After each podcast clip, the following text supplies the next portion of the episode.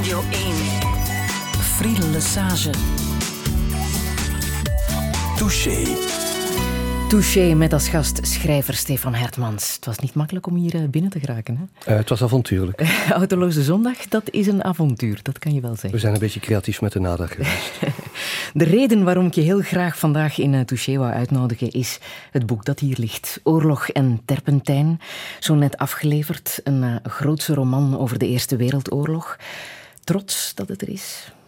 Um, trots, ik weet het niet. Vooral tevreden en, en tot rust gekomen, omdat ik dit eigenlijk wel moest doen, vond ik. Ja, je hebt ooit gezegd, de tussentijd is de mooiste tijd. De tussentijd tussen het afleveren van een manuscript en de publicatie ervan. Was dat ook nu? Ja, ja, ja dat is het moment dat het nog nieuw is voor, voor jezelf en de van de anderen. Ja. We gaan zo meteen twee uur praten, Stefan Hertmans, en ik denk dat jouw grootvader nooit veraf zal zijn.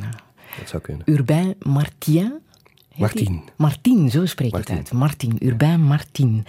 Ik wil je verwelkomen in deze touché met de Cesaria Evora.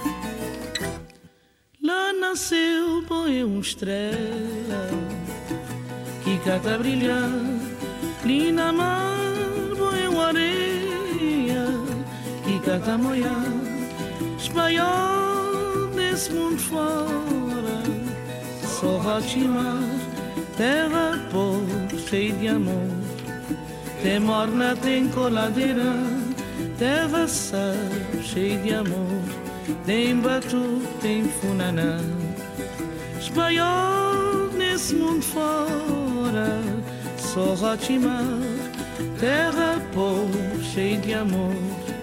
Tem morna, tem coladeira, terra pobre, cheia de amor. Tem batuque, tem funaná. Oi, tanto saudade, saudade, saudade. Oi, tanto saudade saudade sem fim. Oi, tanto saudade, saudade, saudade. Oi, tanto saudade, saudade sem fim.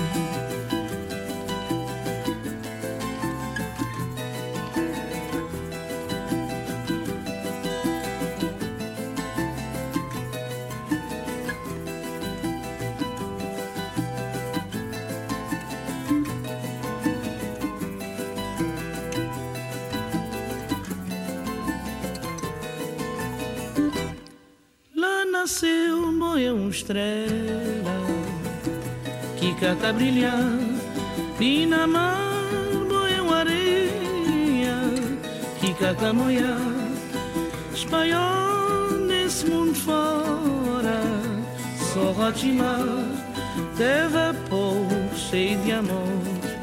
Tem morna tem coladeira terra sal cheia de amor. Tem batuque, tem funaná Espanhol nesse mundo fora. Só Rotimar Terra pobre, cheia de amor.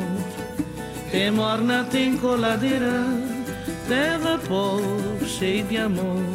Tem batuque, tem funaná Petit pays Je t'aime beaucoup. Petit, petit, je l'aime beaucoup. Petit pays, je t'aime beaucoup. Petit, petit, je l'aime beaucoup.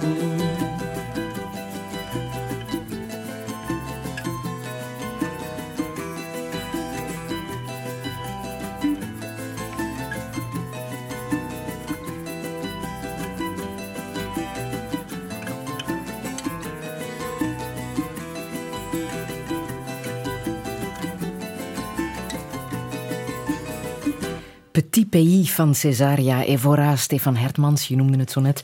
Je begint al meteen met uh, mijn nostalgie-boost. Staat allicht niet in het woordenboek, maar zo voel jij dit aan. Ja, ja dat is voor mij en voor mijn vrouw ook een, uh, hoe zou ik dat zeggen?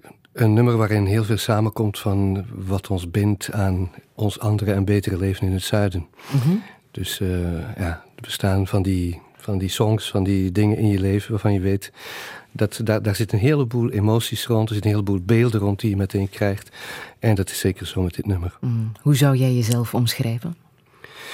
Mm, ik denk dat ik uh, een nogal minzaam en geduldig en beleefd en vriendelijk mens ben.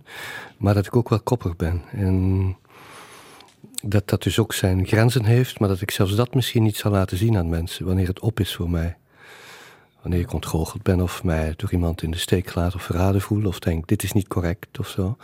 Ik zal zelfs dan beleefd en minzaam blijven, maar er zal zich misschien wel iets gesloten hebben. Ah. En in hoeverre lijk jij daarin op je grootvader? Ja, dat is natuurlijk de hele vraag. En dat is een vraag die ik mezelf steeds meer stel, uh, nu dit boek Oorlog en Terpentijn er ligt. Um, ik heb verdomd veel meer van hem dan ik ooit heb gedacht. Mm -hmm. En bij hem uh, kaderde dat natuurlijk in een hele cultuur van das militair, van het uh, gehoorzamen van een katholiek uh, autoritair Vlaanderen. Um, bij mij gaat het veel meer om iets wat vanuit mijn eigen overtuiging er is. Maar dan denk ik, ja, dat moet bij hem ook zo geweest zijn. Het moet toch een soort van temperament en karakter zijn. Om, om te zeggen, kijk, ik houd voet bij stek bij wat ik wil, maar niet iedereen hoeft dat te weten. Ja. Je noemt hem uh, jouw grote held. Hè? Wat voor iemand was hij? Kan, kan je hem omschrijven? Ja, natuurlijk die grote held. Dat is de grote held van mijn kinderjaren. Dan, mm. dan had ik helden. Um, je moet rekenen, ik ben nog opgegroeid in een gezin met uh, drie generaties. Mijn vader is komen inwonen bij zijn schoonouders, net na de oorlog. Dus dat betekent dat je in een totaal ander kader opgroeit. Er is veel meer ruimte, er zijn ook grootouders. En aangezien je vader op dat moment uit werken is, is je grootvader diegene die voor jou als kind er elke dag is. En bij mij was dat een heel actieve grootvader. Hij leerde mij schilderen, schetsen. Hij leerde mij zelfs oude uh, schermen. Ik kreeg schermles in het Frans met de Franse termen. Dus dat was een, voor een jongetje een hele droomwereld uiteindelijk. En ik vermoed dat zelfs op, op, op ja, wanneer ik dan ouder werd, wanneer ik uh, ging studeren en mij losmaakte van de, de context van mijn thuis, dat zijn bijna naïeve, aandoenlijke manier van met de kunst te omgaan. En toch altijd, wat je ook doet in je leven, waar het ook over gaat in, in je leven als schrijver of als kunstenaar, dat je toch altijd naar een bepaald soort van basisgevoel terug moet in jezelf. En dat dat je verwondering, je verbazing is, datgene wat je raakt. En niet datgene wat je denkt of wat je opinie is, mm-hmm. maar datgene wat je levensgevoel is. Hij heeft jou op zijn sterfbed een heel bijzonder cadeau gegeven, hè? die die twee cahiers die hij heeft uh, volgeschreven. Eentje over zijn jeugd en eentje over zijn oorlogservaringen. Als je dat over zijn jeugd las, had je een soort gemis? Um, had ik dat maar geweten terwijl hij leefde? Hadden we het er toen maar over kunnen hebben? Ja, ja, ja, ja. Um, naarmate dit boek langer uit is, heb ik meer het gevoel en betrap ik mezelf er meer op dat ik denk, kon hij het maar zien. Ja. Um, wie weet wat zou hij ervan gevonden hebben. Uh, het is natuurlijk zo dat ik inderdaad veel meer begrip heb voor een aantal dingen. Er is het verhaal van het stuk gevallen uurwerk dat als een rode draad door het boek loopt. Uh, ja, kon ik hem dit maar teruggeven? Want uiteindelijk, de anekdote erachter is dat hij mij op mijn twaalf het uurwerk heeft geschonken dat nog van zijn vader was en van diens vader. Dat ze dat in bittere armoede in het uh, vroeg-industriële Gent gingen verpanden in de Abrahamstraat, in het pandjeshuis. Dat ze daarvoor spaarden jarenlang om dat terug te kunnen hebben, dat eigen uurwerk. Uh, ik bedoel, dat is natuurlijk van een, een soort van tragiek, een, tijdel, een, een, een, een, een tijdeloze tragiek, wat er met die mensen is gebeurd. Ik krijg dat op mijn twaalf jaar en terwijl ik dank u zeg om hem te omhelzen, laat ik het uit mijn poten vallen. En is het uurwerk kapot. Ik heb daar vaak spijt van gehad, maar pas door zijn cahiers te lezen wist ik, ik heb zijn tijd uit mijn handen laten vallen. En wanneer hij mij dan een paar maanden voor zijn dood die twee cahiers geeft, mij weinig woorden, wetend dat ik probeerde te schrijven en misschien ooit zou publiceren, want dat heeft hij nooit meegemaakt, um, dan dacht ik, verdomd, geeft mij een tweede kans. Mm -hmm. En ja, dat was allemaal niet zo scherp. Ik, ik was het me daar vaag van bewust. Maar pas door het te lezen en door te gaan schrijven, denk ik, dit is, dit is enorm. Dit, dit bepaalt mijn leven. De, tussen dat stuk vallen van het uurwerk en het publiceren van dit boek is er iets gebeurd wat je restitutie zou kunnen noemen. Mhm. Ik heb hem een herstelbetaling geleverd. Je hebt ook pas later ontdekt dat hij die cahiers is beginnen schrijven kort nadat jij dat bewuste uurwerk hebt laten vallen. Hè? Absoluut, ja, ja. Dus de dood van mijn grootmoeder in 1958, het jaar van de expo. Uh, en 63 wanneer hij begint te schrijven. En ik laat dat uurwerk ongeveer in, in dat jaar vallen. Uh, dat, dat volgt allemaal elkaar op een bepaalde manier wel snel op, terwijl ik mij daar toen absoluut niet van bewust was. Het mm. moment dat die man beslist om in dat eerste cahier in zijn aandoenlijke, prachtige vooroorlogse handschrift te schrijven Ave Maria, gratia plena, mijn dierbare Gabriel, ik ben vandaag aan uw graf geweest, dan dacht ik altijd, dit is niet na te vertellen. Ik moet mm. daar echt uh, tijd voor hebben. En het feit dat ik zo lang gewacht heb om het te doen, is waarschijnlijk ook heel goed geweest. Je hebt 30 jaar gewacht. Hè? Ik heb 30 jaar gewacht. Ja. Hij is gestorven op zijn negentigste. Ja, hij was Toen was jij 30. Ja. ja. En waarom heb je zo lang gewacht? Enerzijds om het effect van wat ik je daar net beschrijf, dat wanneer ik dat opensloeg, er kwam zoveel op mij af dat ik dacht, ik, ik ben daar nu niet aan toe. Ehm, ik heb altijd gewerkt in mijn leven. Dat betekent dat ik schreef in mijn vrije tijd. Mijn leven was vol, heel vol. Ehm, en ik wist intuïtief alleen al, voor zo'n boek heb ik tijd en rust nodig en moet ik kunnen gaan zitten.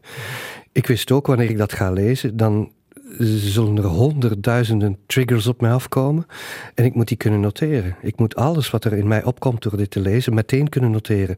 Want als ik het zou lezen en het weer wegleggen, dan is het foutu. Dan gaat het niet meer. Mhm. Dus ik heb gewacht. Ik ben op 1 oktober 2010 uh, eh, opgehouden met lesgeven aan de hogeschool in Gent. En op 10 oktober 2010 zat ik op een heel afgelegen, maar dierbare plek die cahiers te lezen. En heb ik tien dagen lang niets anders gedaan dan noteren, noteren. S'nachts om twee uur opstaan, s'nachts om drie uur opstaan. Van dit, dit, dit komt los. Het was een enorme film die uit mij rolde plots. Mhm. En dat is de eerste reden, wat je zou kunnen zeggen een praktische reden. Maar ik weet nu achteraf ook dat ik daar niet rijp voor was. Dat ik ah. moest wachten. Ah. Ja. In dat eerste cahier schrijft hij vooral over zijn jeugd. Hè. En ja, als je dat nu bekijkt, dat is meer dan 100 jaar geleden. Dat alleen al is uniek. Een leven beschreven zien van zoveel jaren geleden. Dat zich afspeelde in Gent. Je bent ook heel veel in Gent gaan ronddwalen om die plaatsen terug te gaan vinden. Heb je veel teruggevonden? Ja, enerzijds uh, vind je veel terug, anderzijds vind je ook het, het verdwijnen terug. wanneer ik bijvoorbeeld iets wat voor hem en ook voor mij een heftige herinnering was, de, de geur van de beestenmarkt in Gent. die is nu verdwenen. Um, ja, daar vind je het verdwijnen terug. Dan denk je, hier sta ik nu, het is een winderige dag uh, tussen de Dampoort en de Hernislaan en dit verleden is weg. Maar dat is ook vinden. Vinden dat het er niet is, is voor mij ook vinden. En dat mm. probeer ik in mijn boek, uh, denk ik, heel duidelijk te maken. Dat het, het verdwenene vinden ook belangrijk is. Dat gebeurt ook in de bocht aan de ijzer. Ik vind daar alleen uh, vredige natuur terug, maar dat, dat schreeuwt een hemel. Mm. Dat die natuur daar vredig is nu. Maar er zijn ook plekken weg in Gent hè? en dat doet ook pijn. Ja, ja, ik ben. Men vraagt me soms: ben je nostalgisch? En ik, ik verzet me heel erg tegen het woord nostalgie, omdat ik dat zo'n flauwe emotie vind. Um, maar er is in mij natuurlijk wel een zekere uh, melancholie van de blik van iemand die langer leeft. Dat je denkt, goh, daar was vroeger dit en daar was dat. De verdwenen landkaart van een stad, dat was ook al mijn stokpaardje in mijn boek Steden. Wat kun je nog lezen uit een stad waar je rondloopt uh, van wat er vroeger was? Dat is een tekst met veel lagen. En met Gent heb ik dat natuurlijk in het bijzonder, omdat het de stad van mijn eigen kinderjaren en jeugd en een groot stuk van mijn leven is geweest. Ja, universiteitsjaren ook, hè, die je daar hebt gespendeerd. Ja, ja, ja. Ik heb mijn universiteitsjaren in Gent uh, goed gespendeerd. Ja. Waarom zeg je dat zo? Goed gespendeerd? Ja, het was een, uh, de tijd van het uh, alleen gaan wonen. Ik ben heel snel met mijn vriendinnetje alleen gaan wonen. Uh, ik wilde ook mijn eigen kost verdienen. Mijn brave ouders wilden niet liever dan mijn universiteitsstudie betalen. En ik weigerde geld en ik wou het allemaal zelf verdienen. Dus ik werkte in de universiteitsrestaurants. Uh, ik speelde in free jazz bands op dat moment. Dus het was die hele onderdompeling in de vrijheid, zeg maar. Ja, ik heb muziek klaarstaan die daarbij hoort, denk ik, bij die periode. Keith Jarrett en If I Should Lose You. Wat moeten we daarover weten? Oh, dat is eigenlijk, eigenlijk, al een beetje later. Dat is al wanneer ik weer naar iets, uh, uh, hoe zouden we dat zeggen, modalere jazz aan het luisteren ah, ja? was. Ja, Ik heb daar een heel goede herinnering aan. Dat is voor mij muziek uit mijn periode dat ik in Drongenhof in Gent woonde. En ik denk dat ik net mijn eerste contract bij Meulenhof had gekregen. En mijn eerste boek voor Meulenhof klaar had, dat was Gestolde Wolken. En toen heb ik vrij afgenomen door uh, de drie etages van de oude trap die in dat huis zat af te schuren. En drie lagen verf te geven met alleen maar Keith Jarrett. En dat was perfecte zen.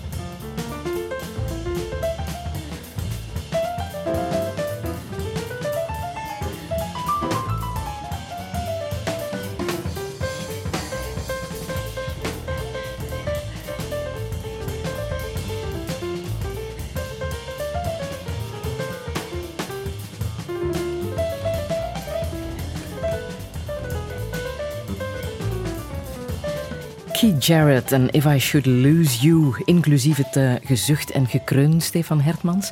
Zo was het ook toen jij die trap aan het afschuren was, dat gezucht en gekreun. Hey, maar ik heb wel over het uh, door veel mensen verfoeide gekreun van Keith Jarrett ooit aan een, uh, een jazzpianist gevraagd. Waar, waarom doet hij dat nu? Dat verschrikkelijke kreunen en steunen daartussendoor. En die man zei mij, kijk jongen, als jij ene keer een van die riedels zou vinden die hij vindt, dan zou je ook wel kreunen. Dat was vrij afdoend. Sommige mensen worden hier ook wel zenuwachtig van, maar jij niet. Ja, het is heel raar. Je hebt mensen die nerveus worden van Bach ook. Dat heeft met je aanvoelen van tempo's te maken. Mm Mij maakt dat heel zen. Ik heb het gevoel dat dat een soort kabbelende zee is waar ik kan op verder gaan. Ik hou ook van zijn manier om onverwacht op zijn thema's terug te komen. Dus heel die manier van praten. Ik vind het eigenlijk een manier van praten wat hij doet. Ja. En het katapulteert je ook meteen ook terug naar uh, dat moment dat je die trap aan het afschuren was. Ja, ja, ja, ik heb achteraf gedacht, dat was toch eigenlijk een, een raar moment. Alles opende zich voor mij. Um, het grote leven begon. Ik, ik, kreeg die fantastische brief van uitgever van Meulenhof. En het eerste wat ik deed was uh, terugkruipen in het paradijs van de handenarbeid. En dat is eigenlijk in mijn leven altijd een constante geweest. Ik kruip graag terug in het eenvoudig bezig zijn. En die trap bestaat nog altijd? Die trap bestaat nog. Ik heb het, uh, we hebben het huis verkocht een vijftiental jaar geleden. En er is weinig aan veranderd. Het staat in Patershol. Ik heb daar twintig jaar gewoond in dat huis. En de ene keer dat ik daar nog geweest ben, zag ik nog steeds dat soort van rare verf dat ik op die trap heb gezet. Dat zit er nog steeds op, ja. Wat weet je over dat huis? Het is een heel merkwaardig huis. Het is van de familie Verhulst geweest. Adriaan Verhulst, professor geschiedenis aan de Gentse Universiteit. En zijn familie heeft op een bepaald moment met mij contact opgenomen en gezegd: Weet je wel wat er allemaal in dat huis gebeurd is? Uh, het schijnt dat een verdieping ooit is opgeëist geweest door de, door de Duitse bezetter. Uh, maar op de eerste etage woonde iemand die uh, voor, voor het verzet en de weerstand werkte. Dus uh, er is allerlei aan dat huis. Ik heb ooit zelfs een boek over dat huis geschreven dat helemaal mislukt is. Omdat dat boek veel te uitgebreid en te veel liefde voor detail heeft. Maar ik hoop dat ooit terug op te nemen, want het is echt ook een uh, vertellenswaardige geschiedenis wat er in dat huis is gebeurd. En als je een beetje krabt, dan komt er veel naar boven. Ja, met geschiedenis is dat zo. Krab een beetje en daar is iets. Ja, absoluut. Mag ik, ik een beetje aan jou krabben, Stefan? Je mag, ja. Hoe gevaarlijk heb jij geleefd toen in Gent als student? Uh, ik heb wel met mijn gezondheid gespeeld, ja. Uh, ik heb alles wat verboden is en lekker is geproefd. En uh, ik heb periodes gehad dat ik zeer weinig sliep. Ik heb mij zeer sterk afgezet tegen alles wat mij bond. Zowel mijn eerste relatie, mijn eerste huwelijk, uh, als mijn thuis. Ik heb me van alles losgemaakt. Ik had blijkbaar een, een bijna wilde drang om van iedereen en alles los te zijn. En mij dan soms heel verloren en eenzaam te voelen omdat ik alle banden had doorgeknipt. Mm. En dat soort uh, onevenwicht tussen uh, alleen willen zijn en je eigen zin willen doen en je leven helemaal zelf naar je eigen zin te maken. En dan toch te voelen dat je anderen nodig hebt en soms van anderen, anderen afhankelijk bent. Uh, dat zat toen in, in een nogal pijnlijke spagaat. En ik denk dat mijn levensverhaal erin is van iemand die probeert die spagaat dicht te rijden. En hoe kwam dat dat je die grenzen opzocht? Ik weet dat niet. Ik denk dat dat. Uh, er bestaat een Pools spreekwoord dat zegt: je karakter is je lot. En ik ben blijkbaar altijd heel heftig geweest. Ik heb het geluk dat mijn vader 91 uh, is en nog steeds leeft. En dat we daar nu met veel uh, ironie en, en, lachen kunnen over praten. Ja. Maar die zei, jongen, het, was niet te leven met jou toen je twintig was. Wat vertelt hij dan nu daarover? Ja, ik was heel heftig. Hè. Ik, ja. ik uh, militeerde extreem links. Ik, ik speelde in, in jazzgroepen waarin wij um, eerst allerlei tot ons namen voor begonnen te spelen. Het was dan ook volgens mij niet om aan te horen wat we speelden. Maar wij hadden lol. Um, ja, het was een leven van relaties, van, van vriendschappen, van, ook van studeren toch wel. Dat heb ik altijd uh, op een vreemde manier goed kunnen combineren. En van lezen ook, hè? Je hebt altijd heel veel gelezen. Ja, maar toch herinner ik mij een bijna uh, iconisch moment dat ik in een een, een soort camionetje zat met mijn vrienden. We waren op een soort tournee en we gingen uh, op een vijftal plaatsen in, in Vlaanderen spelen. En dat, dat was nu toch van een chaotische vreugde. En ik zie op een bepaald moment de drummer een jointje rollen op de kaft van mijn gedichten van Maurice Williams. En plots deed me dat pijn. Ja. En ik kreeg plots die honger om met die gedichten bezig te zijn. En ik denk dat ik daar beslist heb dat ik uiteindelijk toch geen jazzmuzikant moest worden. Ongeacht of ik er talent genoeg voor had of niet. Maar dat ik daar niet in doorging en dat het die stilte was die kwaal. En ik herinner me dat vrienden mij vaak zeiden... Jij bent toch een raar. Je stond om zes uur vanochtend nog in een discotheek. En twee uur s middags en je zit hier met Bach en met, met gedichten. Dus er zat een soort van tweespalt in mij. Ja, ja. Ook de dagboeken van Kafka hebben toen wel iets gedaan met jou, hè? Als jonge ja, twintiger. Ja, ik herinner me dat mijn toenmalige vriendin me dat schonk ehm, op mijn 21ste verjaardag. En dat ik in het gras aan de watersportbaan die dagboeken begon te lezen.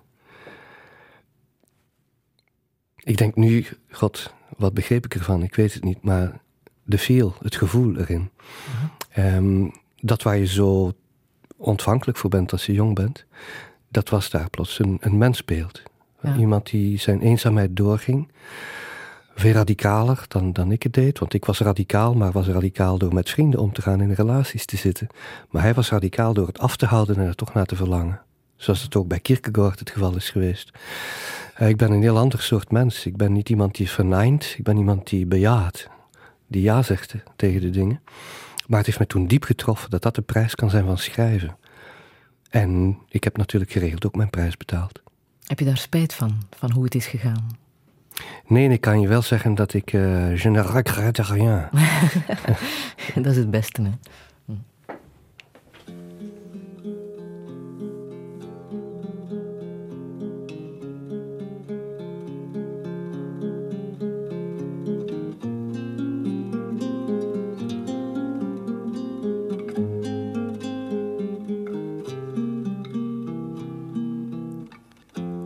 Van zijn leven in de Westhoek passeert. De regen en noorderwinden. Keer om dit hier passeert. De oorlog ga je hier weer vinden.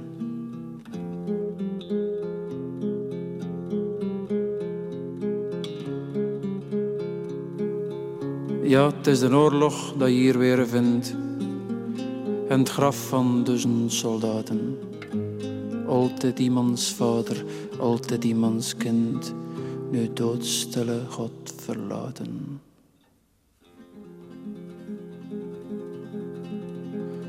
Laat de boom nu maar zwijgen en dat gras niets vertelt en de wind moet ook maar niet zingen. Dat je dood tot niets geteld, dat waren al te schrikkelijke dingen.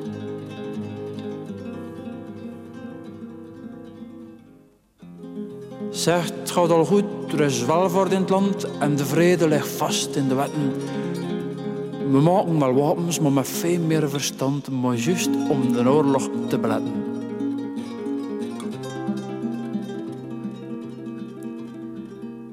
En grote raketten, atoom in de top, we mogen toch experimenteren. En we mikken wel een keer naar in de kop, maar juist om ons te amuseren.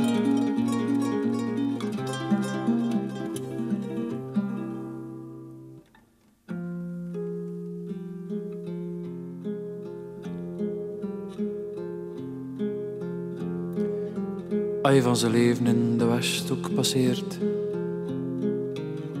De regen en noorderwinden. Keer om het in dit hier passeert. De oorlog ga je hier weer vinden.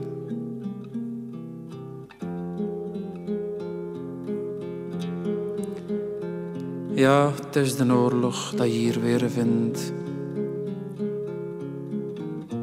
graf van duizend soldaten.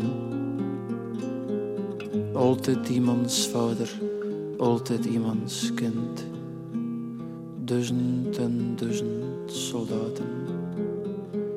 En nog duizend en nog duizend soldaten.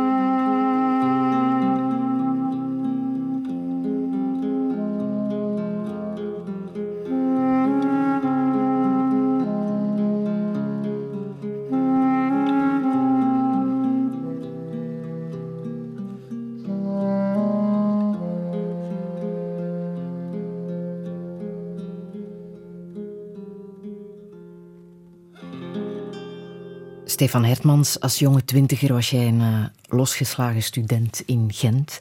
Jouw grootvader was op die leeftijd een van die duizend soldaten, hè, waar Willem Vermanderen zo mooi over zingt.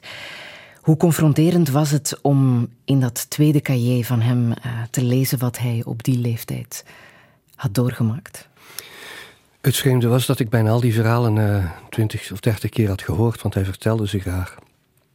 Zoals mijn collega Stefan Brijs altijd zegt, je had soldaten die er niet over spraken en je had soldaten die er wel over spraken. Mijn grootvader was het type van de man die er voortdurend over sprak, maar ik merkte in zijn cahiers dat hij nooit sprak over wat het met hem gedaan had. Dus dat hij zwijgzaam was terwijl hij praatte. En dat was voor mij een grote ontdekking. En dan, want in die schriften natuurlijk uh, zegt hij soms wel, wij stierven van schrik.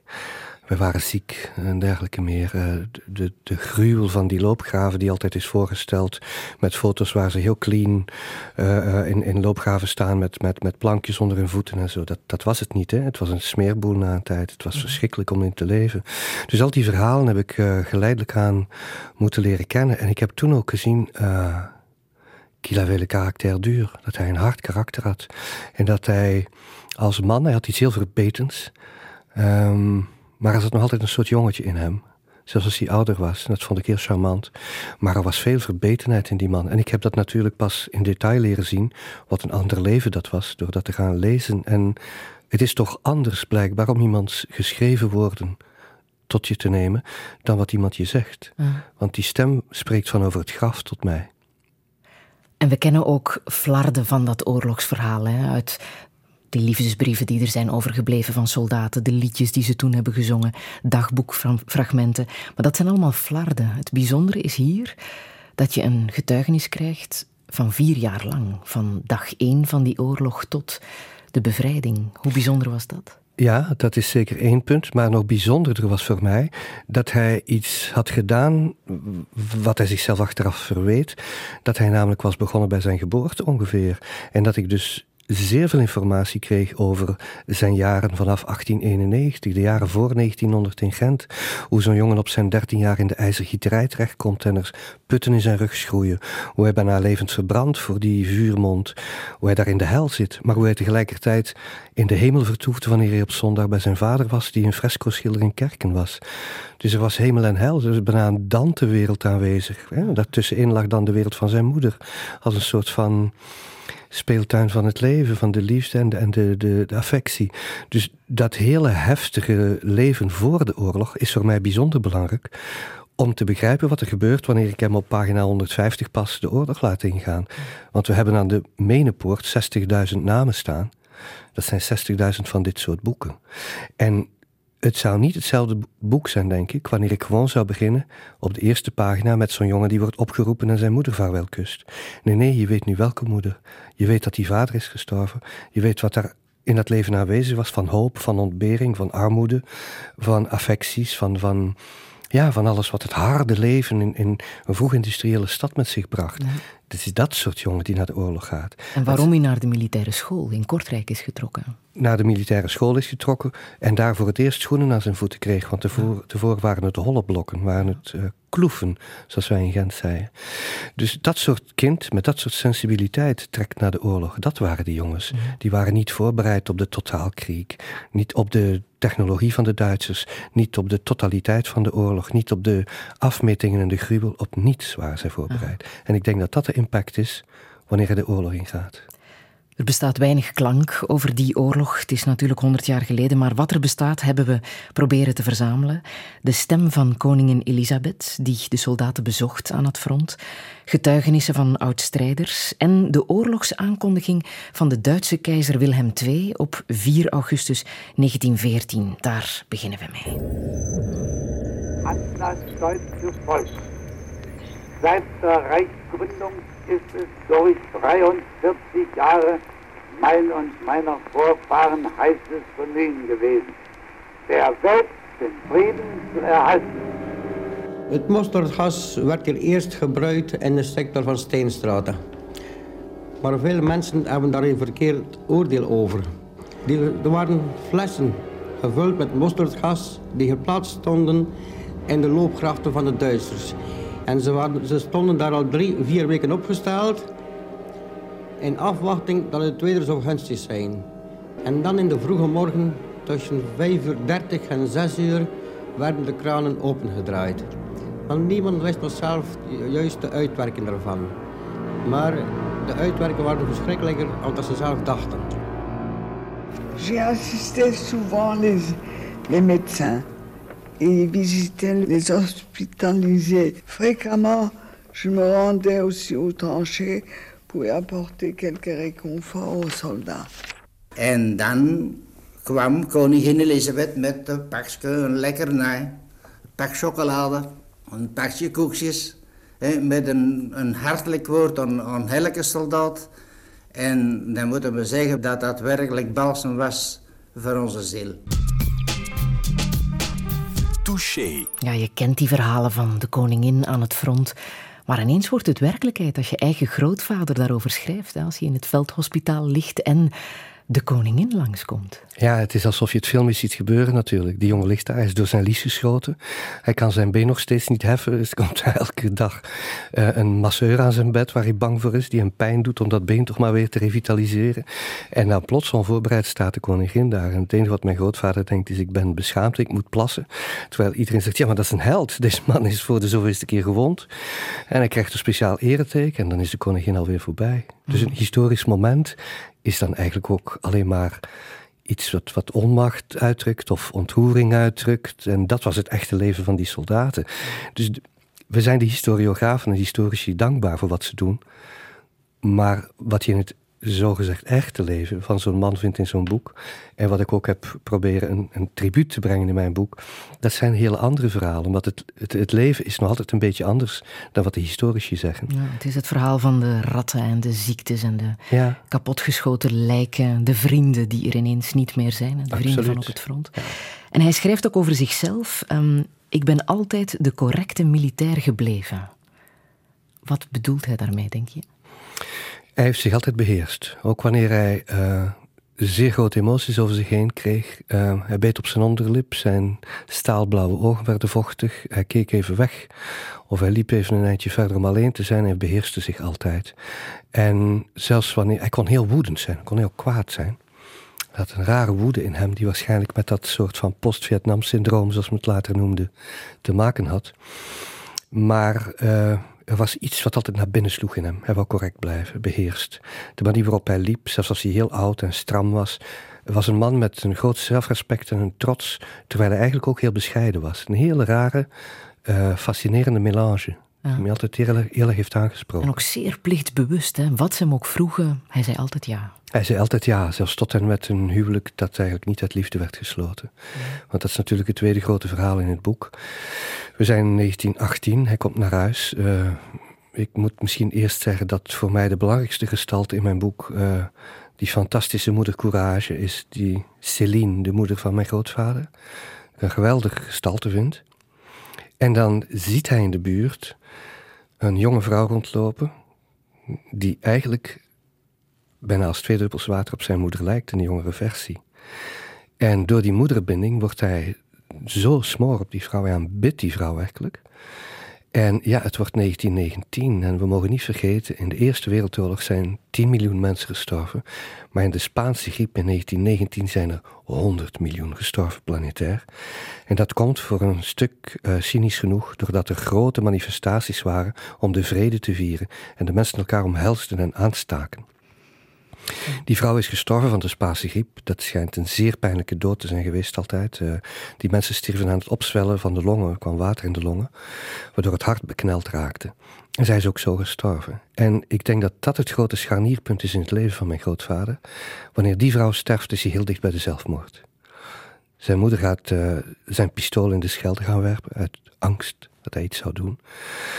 En uh, ja, hij overleeft dat op een of andere manier, omdat hij zegt: Oui, mon commandant, zoals altijd. En God is dan zijn commandant. Dit is mijn lot, ik moet het op mij nemen.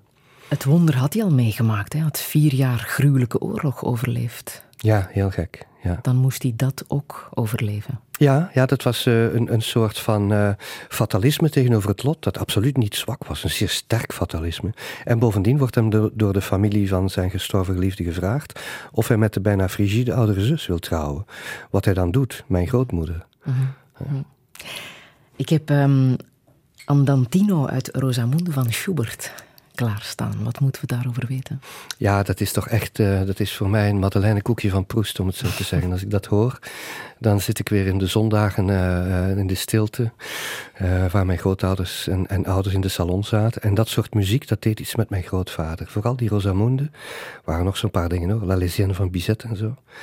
En dat, dat uh, ja, we zagen emoties in hem woelen. We zagen dat er allerlei zaken gebeurden in hem die hij moeilijk binnen kon houden. En waar we geen toegang tot hem hadden.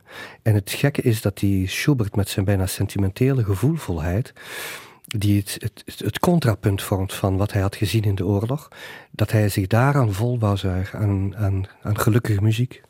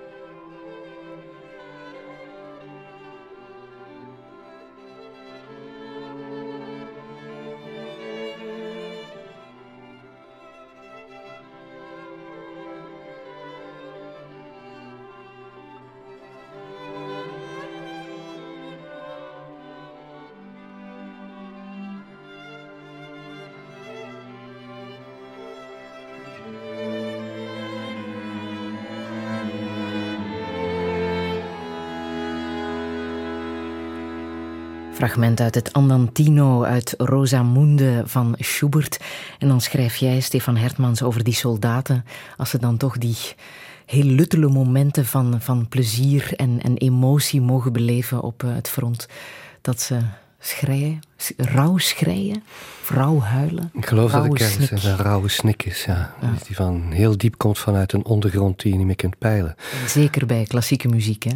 Ja, omdat dat, dat heftig ja, de, de, emotie, de warmte, dat wat ze misten. Uh, mijn grootvader beschrijft ook dat sommige jongens begonnen te huilen als ze een verpleegster zagen. Wat heb je gelezen in zijn geschriften over uh, de communautaire kwestie? Op het front? Ja, eh, je kunt het, ja, mag je het al de communautaire kwestie noemen? Ik weet het niet. Het gaat over het flamigantisme dat ontstaat in de loopgraven in de Eerste Wereldoorlog. Uh, ten eerste moet je natuurlijk bedenken dat die mensen nog leefden in een zeer Belgische context. Dat de militaire school in het Frans was verlopen, ook voor mijn grootvader. Um, we kennen veel van die verhalen dat soldaten zouden gestorven zijn omdat ze bevelen in het Frans hadden gekregen die ze verkeerd begrepen hebben. Een historica zoals Sophie de Schaapdrijver zegt, veel van die verhalen zijn apenverhalen die geconstrueerd zijn. Ik vind ook niets in, mijn, in de dagboeken van mijn grootvader terug dat daar zou bewijzen. Uh, het was een, een, een, zeer sterke mengeling, zeker bij de infanteristen. Het waren Vlaamse en Waalse jongens naast elkaar die verbroederden. Dus dat moeten we al, denk ik, met, met toch enige nuance benaderen. Maar het is zeker waar dat natuurlijk die hele hogere legerleiding Frans sprak.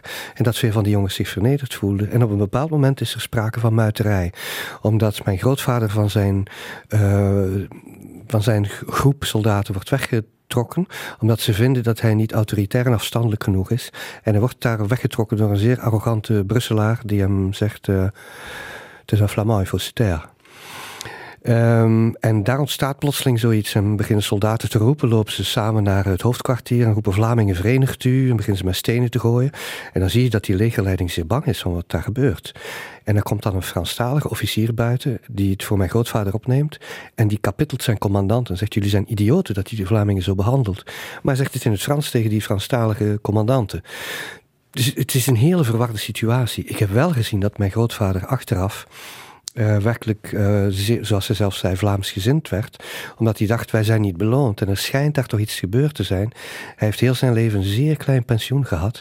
Terwijl aan Franstalige kant de beloning voor helden zoals hij, die want hij is eigenlijk vijf keer gewond in plaats van de drie keer die ik beschrijf. Um, om die mensen te belonen. Dus dat is bij ons blijkbaar toch op een andere manier gebeurd. Ja, die beloning is schrijnend laag. Ja, dat was vreselijk.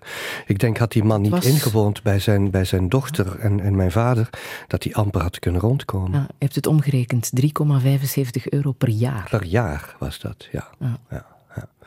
ja ik heb die carnet de picule teruggevonden, noem maar op. En dat zijn bedragen, dat geloof je niet. Bovendien droeg hij dat dan nog allemaal af aan mijn moeder ook. Omdat hij zei, ja, ik ben blij dat ik hier uh, bij jullie mag wonen. Dus als je dan denkt, dat is een man geweest die toch een beetje betere levensomstandigheden aan het mm. mogen hebben. Bovendien op zijn 45 met pensioen gestuurd, omdat blijkbaar zijn zenuwen toch te kapot gescheurd waren om uh, in een atelier bij de spoorwegen te blijven werken. Dat ging niet meer. Hij heeft ook de weerslag gekregen later, hè? In de jaren 50. Ik denk dat je mag zeggen dat het hele boek, zelfs tot op zijn 90, het verhaal is van een weerslag. Uh, in de jaren 50 heeft hij elektroshocks gekregen in slijdingen. Dat was niet zachtzinnig toen, hè? dat was niet zo fijn afgesteld als nu. Ik herinner mij, ik was nog heel klein, maar dat hij zat te schreien in de druivenserren aan het einde van de tuin en dat hij met niemand kon spreken. Dus ja, dat zijn klappen. Hè? Mm. Hij is een tijd lang uh, duidelijk paranoïde geweest. Hij dacht dat er microfoons in zijn huis hingen. En dat die verdomde roden hem kwamen afluisteren. Want hij had schik opgedaan van de socialisten in zijn kinderjaren. Want zijn vader was ooit afgeslagen geweest. Psychologische begeleiding. Ja, er was geen enkele psychologische begeleiding. Dus het enige wat die man overbleef was hele dagen staan schilderen. Het kopiëren van Titiaan, Rubens, Velasquez. Uh, op een prachtige manier. Was een nederige kopiist. Ook daarin was hij nederig. Maar hij schilderde zeer, zeer goed. Met al die oude technieken. En dan anderzijds het troost van de muziek, de opera. Dat heeft hij aan mij doorgegeven. Dat de kunst je een waarde geeft waardoor je getroost wordt voor de dingen die moeilijk zijn in het leven. Wat staat er op zijn graf? Niets. Familie Urbaan Martin Gijs. Dat is alles. Niet dat hij Niets, gevochten heeft nee. op... Uh... Niets, nee. Zijn aanbeden lieve vrouwtje van de Zeven Smarten staat in een nis daarboven. En een jongere neef van hem heeft een mooi uh, uh, brandglasraampje gemaakt voor in dat nisje. En dat is alles. Waarom? Waarom staat dat er niet op vermeld? Dat hij wou dat niet meer. Hij wou nee. dat niet meer. Dat was te ver af. Dat was, terwijl hij daar volledig door bepaald was tot zijn laatste dag. Um, had hij toch die bescheidenheid. En dat heb ik altijd heel mooi aan hem gevonden. Ik denk dat je kunt zeggen dat mijn eigen levensmotto eigenlijk zoiets is als de titel van een 18e Engels toneelstuk: She Stoops to Conquer. Mhm. ze, ze, bukt zich om te kunnen overwinnen.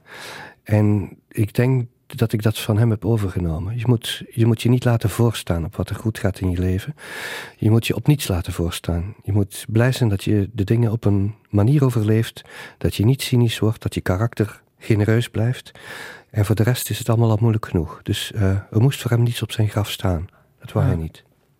Is het toevallig dat de schrijvers en de filmmakers die jij volgt, leest, uh, bekijkt, dat dat Duitsers zijn? Thomas Mann, Wim Wenders, Zeebald? Ik weet dat niet zo goed. Ik vind dat zelf een moeilijke kwestie. Er zijn nog mensen die me daarop wijzen. Ik heb zelf Engels gestudeerd. Maar ik moet je wel zeggen dat ik na het beëindigen van mijn studie Engels um, meer geïnteresseerd raakte in filosofie. En dat kwam omdat ik nog les heb gehad van de legendarische uh, prof uh, Rudolf Beum. Beum is een medewerker geweest van Heidegger en Gadamer. En ik heb die Duitse traditie daar voor het eerst gezien. En ik dacht, ja, maar ik, ik, begrijp daar niks van. Ik kan Kant niet lezen, ik kan Nietzsche niet lezen.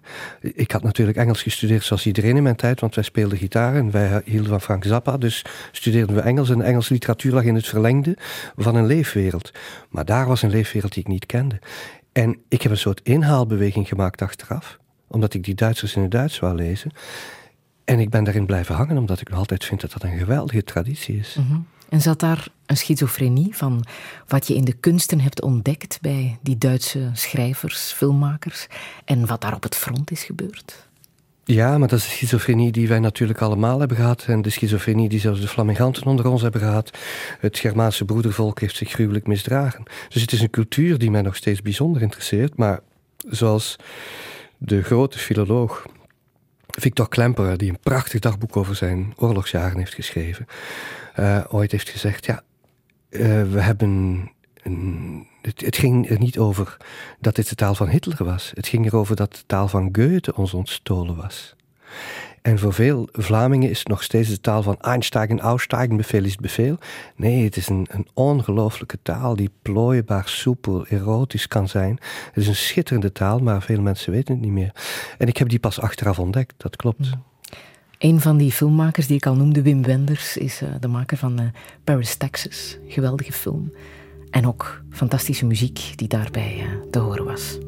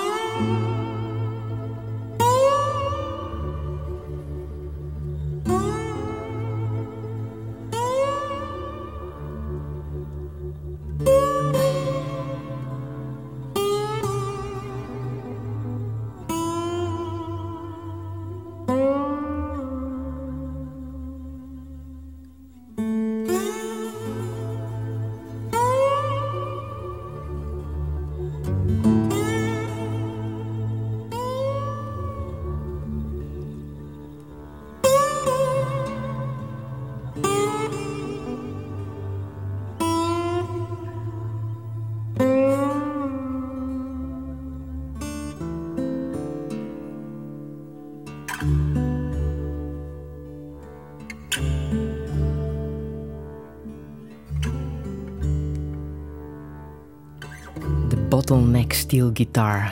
De muziek eh, van Paris, Texas, van de Duitse filmmaker Wim Wenders. Na het nieuws praat ik verder met de schrijver van het magistrale boek Oorlog en Terpentijn, Stefan Hertmans. Reageren kan via radio1.be, via onze Facebookpagina of twitteren kan ook met hashtag Touché. Tot zo. Radio 1. Friedel Lesage. Touché. Touché vandaag met schrijver Stefan Hertmans. Hij leverde zo net het boek Oorlog en Terpentijn af. Een titel waarin de contradictie van zijn eigen grootvader verweven zit. De militair die hij was en de kunstenaar die hij had willen zijn. Een grootvader die zijn kleinzoon Stefan Hertmans mee heeft gemaakt tot wie hij nu is. Een schrijver, opgegroeid aan de Schelde, met behalve de oorlogsverhalen ook de passie voor kunst en de liefde voor schoonheid. Over dat laatste wil ik het nog uitgebreid met hem hebben. Dit is Touché. Zeer goedemiddag.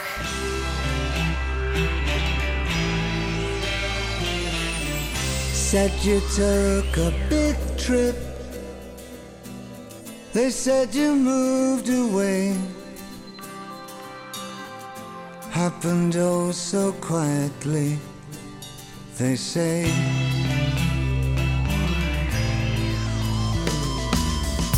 Shoulda took a picture, something I could keep. Buy a little frame, something cheap for you. Everyone says hi.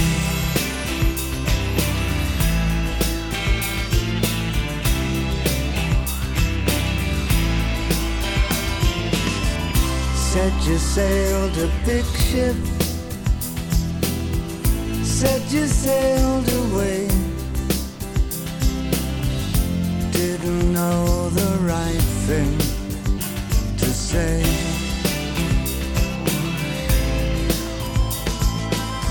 I'd love to get a letter.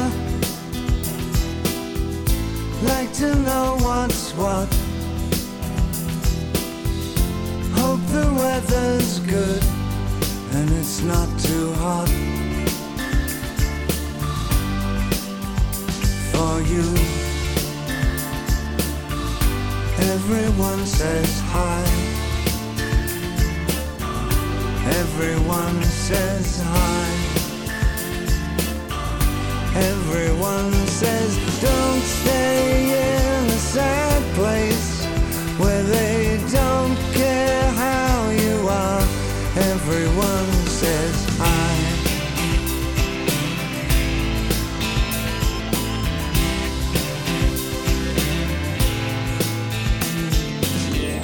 If the money is housing,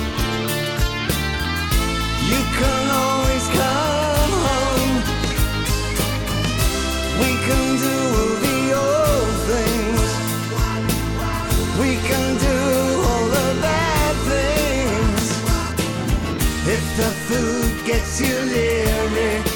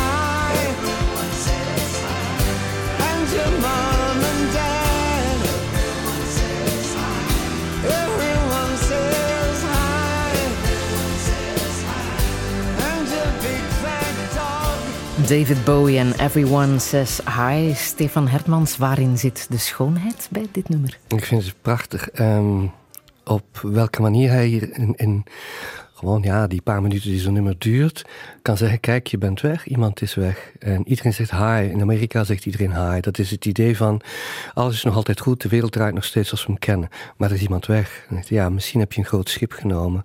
Je bent weg en ik zou je iets hebben moeten kopen toen je er nog was. Something cheap, something you could keep. En dan ja, iedereen zegt hi, maar je bent er niet meer. Misschien ben je dood. En op het einde zegt hij, zelfs je big fat dog zegt hi. Dus die hond is achtergebleven, dan weet u dat iemand gestorven is. En dat soort van afscheidsritueel met, op zo'n lichte manier te doen, ja, mijn hoed af. Mm. Heb je dat zelf bij mensen, dat je misschien wat meer aandacht had moeten besteden aan hen? Ja, ik denk dat we dat allemaal wel kennen in ons leven. Um, en naarmate je ouder wordt, denk je, zag ik die maar even vijf minuten terug? Of kon ik die nog maar eens even een knuffel geven? Of ik ben tegen die eigenlijk niet aandachtig genoeg geweest. Ik denk dat we allemaal wel zo'n lijstje hebben, dat heb ik zeker ook, ja. Mm. Durf jij dan je eigen te betrappen en daar iets aan te doen? Ja, ja ik, ben, ik voel mij niet te klein om uh, dan iemand te bellen en te zeggen... Ik heb je veel te lang niet gezien, laten we eens mhm. afspreken of zo. Maar sommige mensen kan ik niet meer bellen. Ik kan mijn moeder niet meer bellen, tegen wie ik mij zo heb afgezet. Mm zou je dat willen? Ja. Zou je ze nog even willen bellen? Zeker. Waarover zou je het dan hebben? Over niets.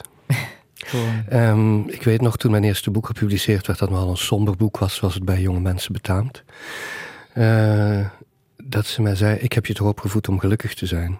En ik haar heel arrogant antwoordde, dat is geen interessant streefdoel. Terwijl ik nu denk, man, man, wat was ik dom en arrogant en jong. Mm -hmm. En zo'n moment zou ik wel willen goedmaken, ja. Mm. Ben jij een piekeraar? Ja, ja, ja, ik ben heel ontevreden over mezelf, heel vaak. Um, ik wil het achteraf allemaal altijd beter gedaan hebben. Uh, ik zie de dingen in een soort uh, kritische film terug. Tot op het punt van de destructieve toe kan ik piekeren. Ja, ook over het feit of wel iets juist begrepen is, of de ander wel weet wat ik daarmee bedoelde, of mijn woorden niet verkeerd vielen. Ik ben een vreselijke piekeraar op dat punt en ik moet mezelf erop echt. Uh, terugroepen en denken: hou daar niet mee op, dat is puur neurotisch en dat is ook narcistisch. Stop daarmee. Het heeft geen zin. Je piekert ook over hoe de wereld draait, hè?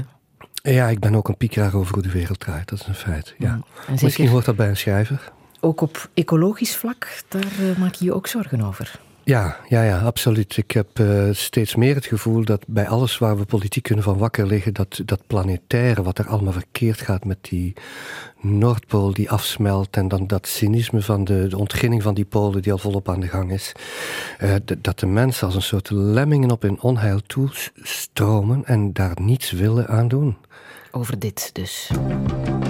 36 uur later dan gepland is er toch nog een einde gekomen aan de klimaatconferentie in Durban. Wij zijn absoluut niet tevreden met het akkoord. Een compleet fiasco. In de overeenkomst staat dat er tegen 2015 opnieuw een bindend klimaatakkoord moet komen. In de VS is men allergisch aan internationale dwingende afspraken. Dat een laatste in 2020 van start moet gaan. China wenst vooral geen externe inmenging en controle op wat zij doen. Intussen wordt de looptijd van het bestaande Kyoto-akkoord met vijf jaar verlengd. India verwacht niet meer of niet minder dan zeer drastische en snelle uh, uitstootverminderingen in de industrielanden. En komt er een klimaatfonds dat de ontwikkelingslanden moet helpen om de doelstellingen te halen? En in Doha zien we dat er veel te weinig klimaatfinanciering op tafel is gelegd. Het is een beetje zoals het orkest op de Titanic dat tijdens het zinken aankondigt van we gaan twee bisnummers spelen en dan verwacht dat daar veel applaus voor komt.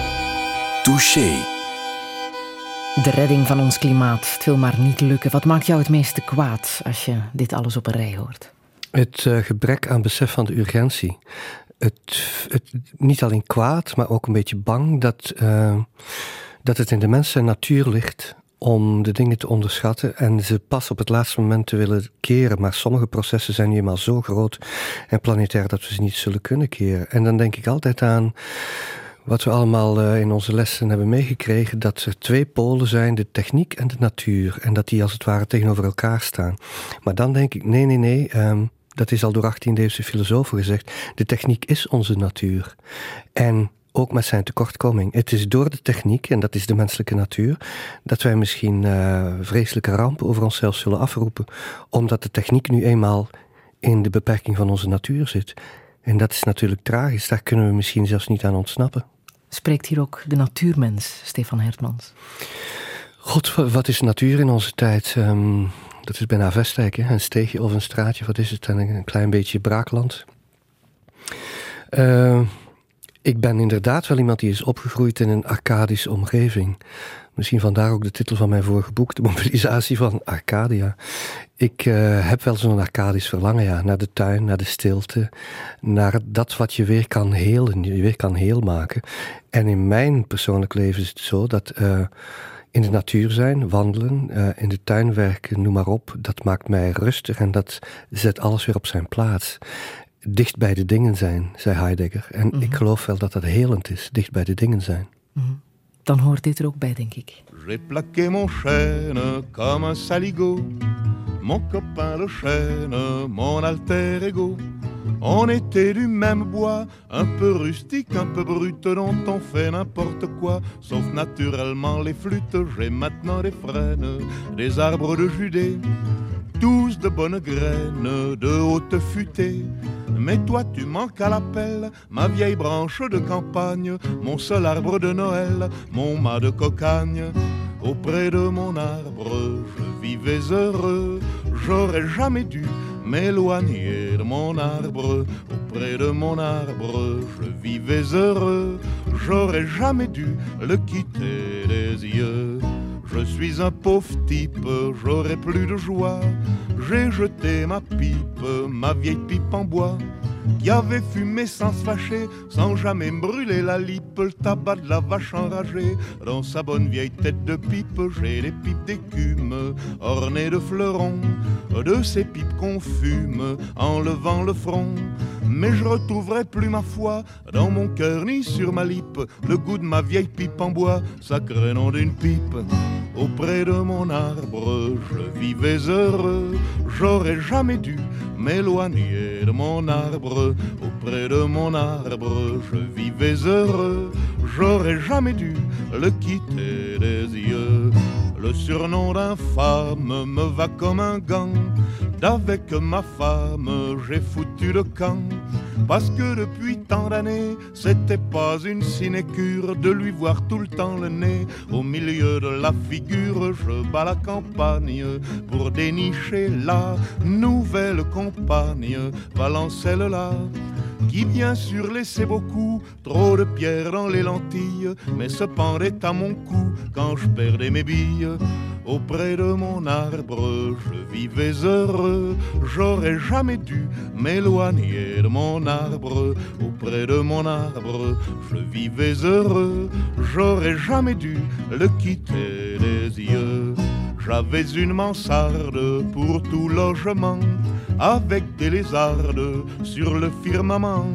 Je le savais par cœur depuis, et pour un baiser la course, j'amenais mes belles de nuit faire un tour sur la grande ours. J'habite plus de mansarde, il peut désormais tomber des alabardes. Je m'en bats l'œil, mais, mais si quelqu'un monte aux cieux, moins que moi, j'y paie des prunes. Y a 107 ans qui dit mieux j'ai pas vu la lune. Auprès de mon arbre, je vivais heureux, j'aurais jamais dû m'éloigner de mon arbre. Auprès de mon arbre, je vivais heureux, j'aurais jamais dû le quitter des yeux. Georges Brassens en Auprès de mon arbre. Stefan Hertmans, het gaat ook altijd over arm zijn, zeg je bij Brassens. Ja, het is heel vreemd. Ik moest ook denken met die mansarde aan Wannes van der Velde. Het blijkt zo'n soort beeld te bestaan dat het echte arcadische bestaan dat toch is waarin je geen zorgen hebt, uh, materieel gezien, omdat je je daar gewoon niets van aantrekt en dat je tevreden bent met wat er is. En dat Opre de Monarbe is natuurlijk een ander beeld voor je moet dicht bij jezelf blijven. En ik denk dat wij allen de ervaring kennen dat uh, hoe meer we hebben, hoe meer we op sleeptouw worden genomen door wat we hebben. En dat het de terugkeren naar onszelf ook de terugkeer is naar momenten waarin je denkt: ik heb alleen maar wat er nu is. De regen op het dak of aan, aan de ruiten en de stilte en een kop koffie. En de eenvoud van het leven. En dat is herstel. Op welke manier zoek jij dat, die eenvoud van het leven? Ik heb dat altijd wel een beetje in mij gehad. Uh, van het verven van mijn trap, waar we het er net over hadden, ja. tot uh, het uh, ongelooflijke moment dat ik via toevallig, via een vriendin, hoorde van een eenvoudig oud huis dat te koop was, 1994. in de Provence, in de Vaucluse, hoog in de bergen, in een klein middeleeuws dorpje. En ik gewoon met mijn vrouw, met Sigrid, daar naartoe ben gereden. En dat we gewoon beslist hebben, wij willen een tweede leven, wij kopen dat. Um, dan begint het natuurlijk. Hè? Dan, dan, de, de euforie en de roes die je hebt het eerste jaar, dat is met niets te beschrijven. Maar ook weer de eenvoud, een oud huis uh, met zijn problemen. Je moet het herstellen, je moet handen naar arbeid doen. Um, de geuren van het eenvoudige ook. Dat, dat zit daar heel erg diep. En ik keer daar terug naar het geluk van mijn kinderjaren. Van Ja? zodra ik daar aankom, is alles weg. Zijn alle lasten van mijn schouders. En is het aangenaam. Uh, leef je daar ook anders? Ja, we leven daar eigenlijk veel vreugdevoller. Ten eerste hebben we daar altijd weer druk leven. Ook onze zoon van 17 is daar bijzonder aan gehecht, omdat er alles openvalt. Uh, je leeft met de natuur, je leeft met de stilte, je leeft met het ritme van de dagen, je leeft met al het lekkers van de terroir. Uh, we hebben daar een kleine, oude en ouderwetse keuken. Maar we koken daar tien keer lekkerder dan thuis, omdat we alle tijd hebben. Uh, je kunt er lezen zoveel je wil. Ergens gezeten onder een oude vijgenboom in, tussen de ruïnes van het dorp. En die tijdloosheid, dat, uh, dat is voor mij bijzonder genezend. Dat eenvoudige leven. Ja, leven met niks. Het, uh, het is aanlokkelijk als je daarna met je auto terug naar huis kan rijden. En in een mooi huis alles hebt wat je moet hebben: internet, telefoon. Toch een bepaalde rijkdom. Zou jij echt in armoede kunnen leven? Ik denk dat ik daar niet bang voor ben. Um, ik heb het gedurende jaren, toen ik in Gent in Paterzol woonde, bijzonder krap gehad. Ik heb uh, jarenlang halftime gewerkt.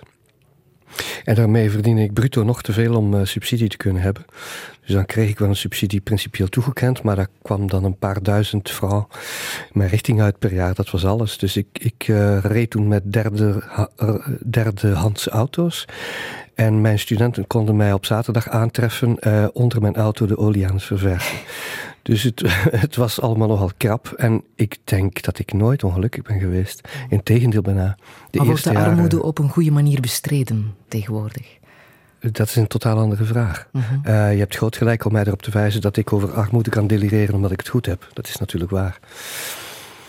Um, dan hebben we het over iets totaal anders. Er moet geen armoede zijn in een land. Er moet geen 14% onder de armoededrempel zakken. Dat is een schande voor een democratie, hoe dan ook. En dat zal uh, eender welke neoliberale theorie niet oplossen. Uh, daarvoor moeten we weer veel meer solidariteit hebben en de zaken durven opnieuw benoemen. Uh, zonder het dictaat van de economie zoals ze nu draait. Dat, dat denk ik wel. Dat zal geld kosten, rechtvaardig worden opnieuw.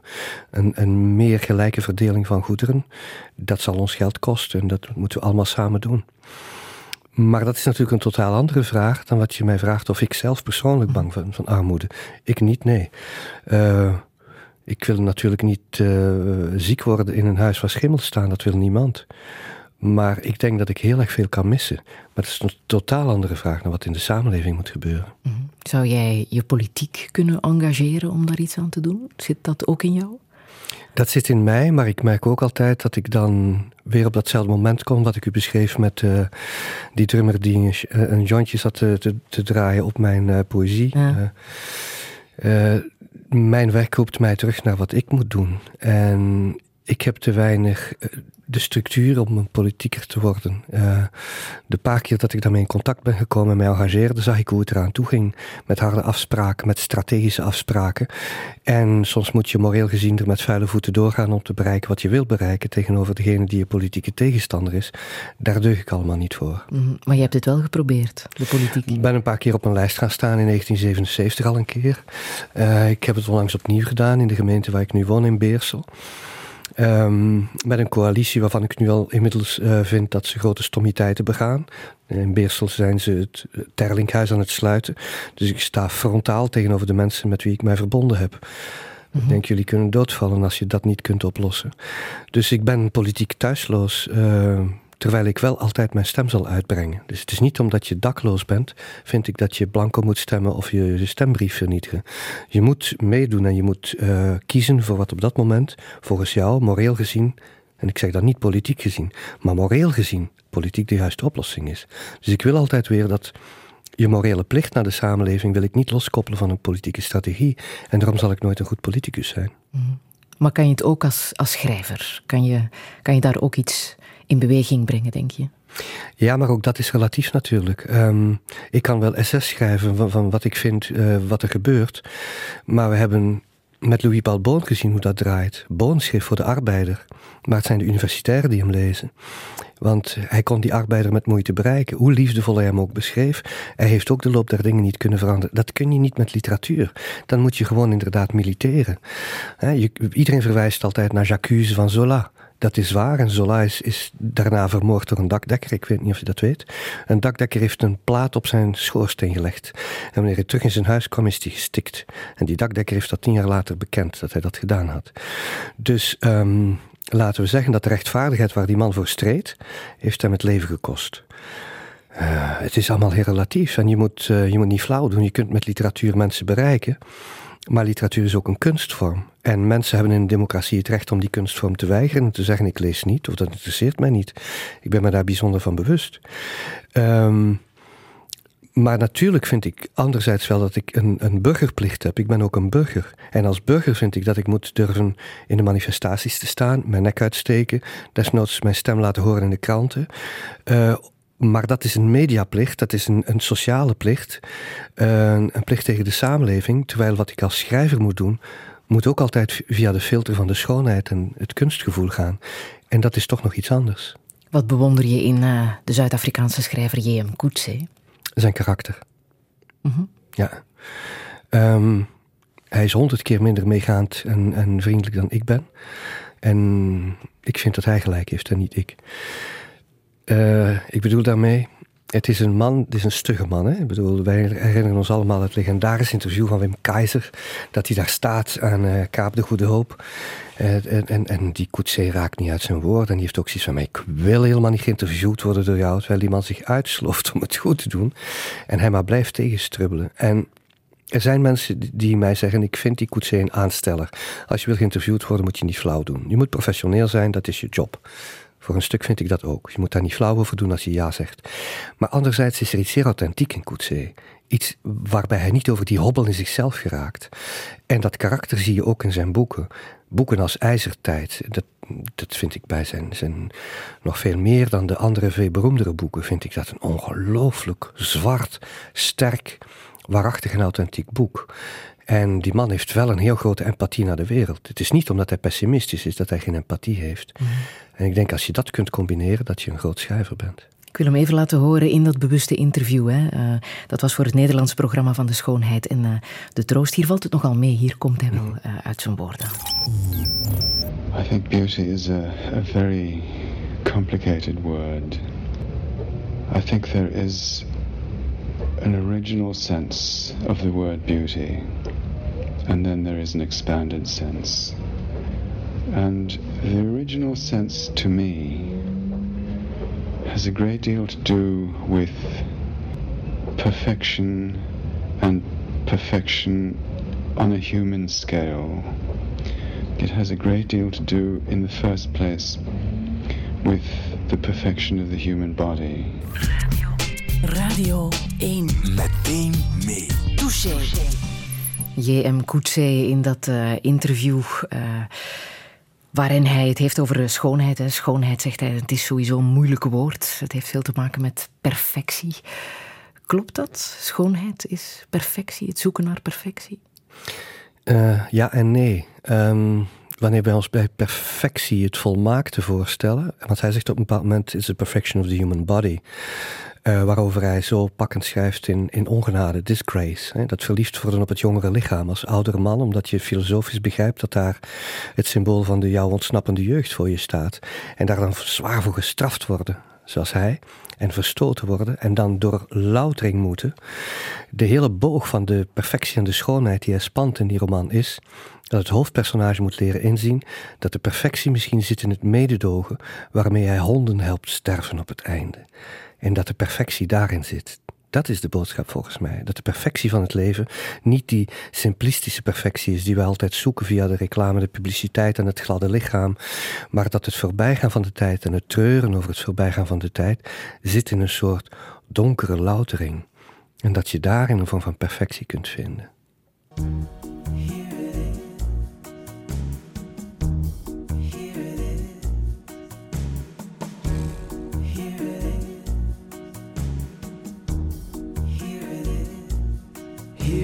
Your crown and your seal and rings. Here is your love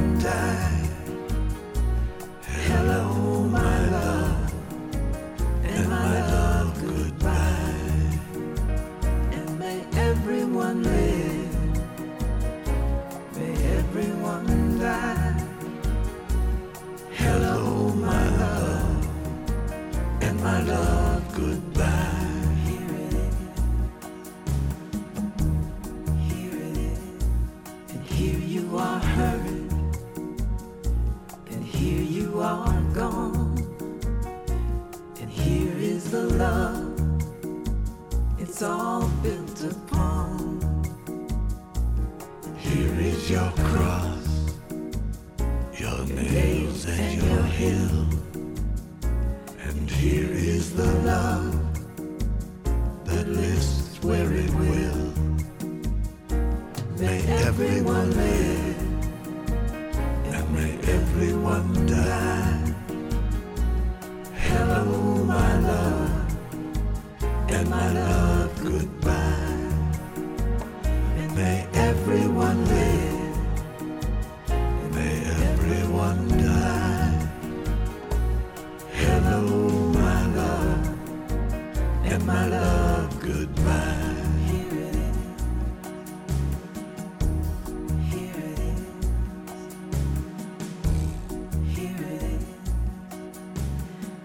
Cohen en Here It Is. Een heel duistere song, Stefan Hertmans.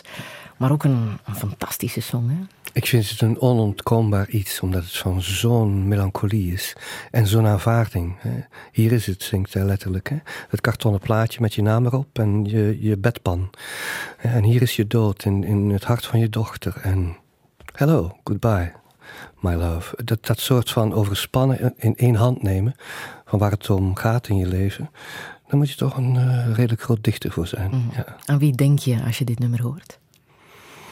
Ehm, niet specifiek aan iemand. Nee, ik denk aan, aan moeilijke momenten in mijn eigen leven. Dat ik dit vaak beluisterde. Waar ik het moeilijk had om dingen te aanvaarden. En dat me dat toen wel kracht gaf om. eh, om het leven goed te doorstaan, moet je niet zozeer een optimist zijn die altijd kraait dat het mooi is. Maar moet je kunnen in de donkere krochten van het leven kijken, soms ook. Van de eindigheid, van het verlies, van, van de dood, van de melancholie. En daar je kracht uit halen. Dat heb ik altijd zeer sterk geloofd. En ik denk dat daarom dat nummer mij zeer veel kracht gaf op momenten dat ik ze zelf niet had. Voel jij ook een, een soort urgentie om te vertellen aan je kinderen wat je nog moet vertellen? Nee, dat heb ik niet, dat is raar. Nee. Uh, ik heb een dochter van 36. Ehm, en die heeft een dochtertje, dus ik heb een kleindochter van 9 jaar. Ik heb zelf een zoon van 17. En het enige wat mij gelukkig maakt, en daarin lijk ik waarschijnlijk ook op mijn eigen ouders en grootouders, is dat het zorgeloos is. Er hoeft niets overgedragen te worden, behalve aanwezig zijn. Ja? En het is het aanwezig zijn dat mij gelukkig maakt. En er hoeven geen grote gesprekken te gebeuren. Er moet warmte zijn. Maar doe je toch geen pogingen om je zoon mee te sleuren naar een bepaald museum en dat ene werk te laten zien of hem dat boek te laten lezen? Eh? Dat doe ik soms, maar mijn zoon heeft een uh, al even sterk uh, koppig karakter als ik zelf. Dus hij heeft zoiets van: ik wil alles zelf uitzoeken. Maar er zijn heel erg mooie momenten geweest, ook met mijn dochter trouwens, um, dat zij zoiets hadden van: dat, dat ken ik via jou. Dat zegt mijn dochter mij nu nog van: weet je wel dat, dat jij me dat hebt aangeleerd? Ja. Nee, ik weet dat niet meer. En mijn zoon heb ik bijvoorbeeld op zijn dertien uh, leren luisteren naar Frank Zappa. En ik wist ook niet wat ik hem daarmee meegaf. Ja, maar dat is wel zo. Ik heb hem ook uh, leren naar schilderijen kijken. Um, en je kinderen dingen meegeven. Mijn dochter heeft heel lang uh, muziek gespeeld, klassiek. En het geluk dat ik had toen ik haar hoorde muziek spelen was zeer groot. Zoals ik dat nu heb met mijn zoon die gitaar speelt. Dus ja, ik geef wel dingen mee. Maar ze hoeven niet mijn geschiedenis mee te nemen. Ze moeten mij waarden en mijn, mijn, mijn, mijn kracht om in het leven te staan. En het gaat ook in twee richtingen. Hè? Zij leren jou allicht ook wel veel. Jouw zoon van 17 bijvoorbeeld, wat leert hij jou over die jongere generatie? Oh, hij leert mij hoe zij in een heel verwarde wereld hun weg zoeken. En hoe knap hij dat eigenlijk wel kan op zijn manier. Met alle vergissingen en met alle, uh, uh, moet je dat zeggen, uh, te veel aan adrenaline en te veel aan, aan onbesuistheid die er nog is. Um, hoeveel krediet er nog op zijn rekening staat en hoeveel hij zichzelf kan vergeven in vergelijking met ik die mezelf weinig vergeef. En hoe sterk hij daardoor is. En dat ze in een wereld die zeer, zeer verwarrend is, toch een weg kunnen zoeken. Dat vind ik wel knap. ja. En klopt het dat deze generatie met, met weinig uh, door het leven kan? Dat geloof ik niet. Nee. nood heeft aan, aan veel centen op de rekening? Uh, het punt is, mijn zoon is 17, dat hij niet eens beseft uh, hoe moeilijk het is om dat geld te verdienen. Dat moet nog komen. Dus laten we hem, we duwen hem naar kleine jobs doen en zo. Dat hij het zelf een keer weet wat je maar per uur bij elkaar krijgt. Als je dan kijkt naar een dure Gibson-gitaar. en hoe lang het duurt eer je dat bij elkaar hebt gespaard. Ja, maar toch een grote passie voor, voor vintage en alles uit het verleden. Dat, dat, uh, daar is toch een grote hang naar hè, in deze Ik vind het, het, het, mooie aan de ontwikkeling van een kind is dat je van het ene uiterste naar het andere gaat. Op zijn 15 moest hij een iPhone hebben of hij stierf ongeveer. En nu heeft hij die iPhone weggegooid, want nu moet hij weer zo'n oude vintage Nokia hebben. Moet hij hem de draag over hem naar de jaren 80, moet het allemaal vintage en echt zijn. Dus hij ontdekt op zijn manier een bepaalde waarde van authentiek zijn. En verzet zich nu tegen, tegen marktdenken op zijn manier. Dat blijft ook een marktdenken, want het is een vintage markt. Maar goed, daar komt hij nog wel achter. Maar dat, dat van het ene heftige paradigma in het andere heftige paradigma vallen. Dat is jeugd. Dat is wel mooi om te zien. En dan denk ik, ik hoef het hem niet allemaal te leren. Hij vindt het zelf wel uit. Je bent er niet om je kinderen uh, dingen in hun strot te rammen. Je bent er om hen als, als een knikker van de helling rollen. Om ze dan een tikje te geven dat ze weer in de juiste richting rollen. Meer mm -hmm. niet. Hoe anders ging je om met je studenten als je les gaf en les geeft als uh, professor kunstwetenschappen in, uh, in Gent? Ja, dat vind ik een moeilijke. Um, niet zo heel veel anders. Uh, Wil je dat ze dingen weten? Ja, maar dat is ook een andere situatie. En uh, ik ben eigenlijk gevormd door een, een man die compleet anoniem is, een leraar die een paar jaar ouder was dan ik. Toen ik begon les te geven en nog ongeveer met mijn haar tot halverwege mijn rug aan het lesgeven begon. En het was een man die um, literatuur gaf op een manier zoals ik nog nooit gezien had. Die, die goot werkelijk uit een hoorn des overvloeds van zijn eruditie en weten. Hij kon beginnen bij een hedendaags chanson, overspringen naar een plooitje in een, een jurk van, van, van een Madonna bij Raphaël. Dat deed hem dan weer denken aan Baudelaire en Baudelaire deed hem dan wel weer denken aan David Bowie. En dan zei hij, ja maar ik heb een streepje maler bij dat daarbij past. En studenten, bijvoorbeeld Jan Lauwers, is door hem gevormd. Die zeggen nog steeds, die man heeft mijn leven gevormd. Ik heb hem twee of drie keer zien lesgeven en ik dacht, als ik dat ooit kan bereiken, dat vind ik nog belangrijker dan schrijven, te kunnen voor mensen staan en een horen des overvloed zijn. Mm. En een laten buiten gaan naar drie uur, dat ze het gevoel hebben dat ze in een warm bad van inzichtelijkheid hebben gezeten. Dat vind ik lesgeven. Ik wil je even iets laten horen uit uh, De Slimste Mens, uh, afgelopen week uh, te zien op 4. Stijn, wat kun je me vertellen over Hendrik Conscience? Um, Antwerpse... Antwerpen, ja. Dichter, drukker, filosoof, politieker, schilder. nee, niks dus eigenlijk. Jawel. Uh, ja, ik ga stoppen. Je stopt? Uh, nee, dan gaat de beurt naar Jelle. is een schrijver. Schrijver, ja. Uh, de Leeuw van Vlaanderen. Ja. Leerde het volk lezen. Zeer goed, In ja. het Nederlands schreef je, of dat weet ik Ja. zeker. Verfilmd ook. Stop. Touché. Haha, Jelle Kleimans wist gelukkig wel iets over conscience. Stijn Kolen afgelopen week niet. Ehm, jij als eh, docent, hoe, hoe erg vind je dit als je dit hoort? Ja, er bestaan veel klachten, tot en met de grote Amerikaanse filosoof eh, Martha Nussbaum, die zegt het onderwijs moet weer anders. Je moet de humanities herstellen, want dat, dat dient ook om empathie voor de anderen te hebben. Literatuur is niet zomaar een, een niche, zoals men dat tegenwoordig graag noemt. Het is een vorming van je menselijkheid. Je hebt dat nodig om te lezen. Daardoor leer je in andere zielen en harten kijken. En dat is verdomd waar literatuur over gaat. En niet over een elitaire cultuur, zoals men tegenwoordig denkt. Dus ik lig heel erg wakker van de foute definitie van democratie die we tegenwoordig hebben. Je moet de drempel in het onderwijs niet verlagen, je moet hem verhogen. Maar je moet, zoals Nietzsche al uitriep in 1876, je moet betere leraren vormen. Je moet mensen hebben die met enthousiasme, met passie voor hun studenten staan, die schoonheid overbrengen en die waarden overbrengen via het weten, via de cultuur. En dan dient de encyclopedie om je te leren hoe je in het leven moet staan. En die band is een beetje verloren gegaan. En dat is eigenlijk wat voor mij het hele punt is in het onderwijs: dat we anders weer zouden moeten structureren. We moeten natuurlijk veel meer mensen kansen geven. En we moeten het veel inclusiever maken voor al die nieuwe Belgen. Natuurlijk wel. Ik heb die nieuwe Belgen ook voor mij gehad. En je moet die mensen waarden aan leren die voor hen niet evident zijn. Maar ik kan je wel zeggen, zonder arrogantie, het lukte mij wel. Turkse studenten schreven mij van: Ik heb voor het eerst iets begrepen over die literatuur van jullie. En dat moet de maat zijn, dat moet de lat zijn. Lager mag ze niet liggen. Baby, I hope you understand. I hope you find another man who's great like me. Gonna let you leave, my love did not deceive. I just ain't got time for no one.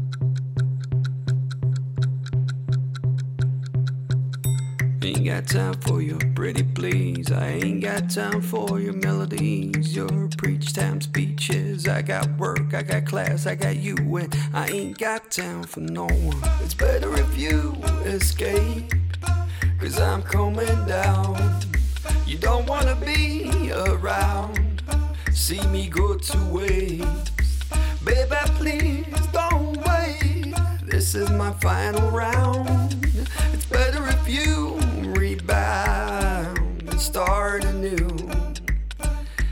ain't got time for no one.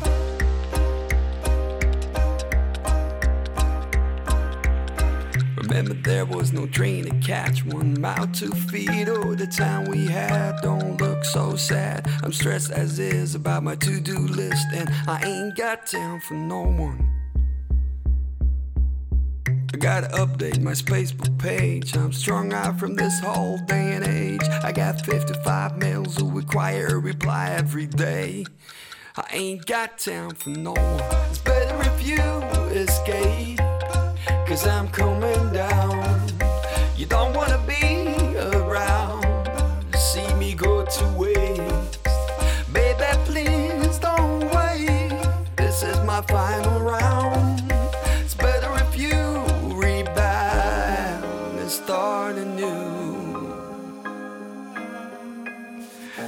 Ain't got time, I ain't got time, I ain't got time. I ain't got time, who's got time? I ain't got time. If I was that guy from Lord of the Rings, I would turn everything into a stressless time zone where it's a crime to know the time. A summer lounge planet with free drinks where animals are eating watches and timeless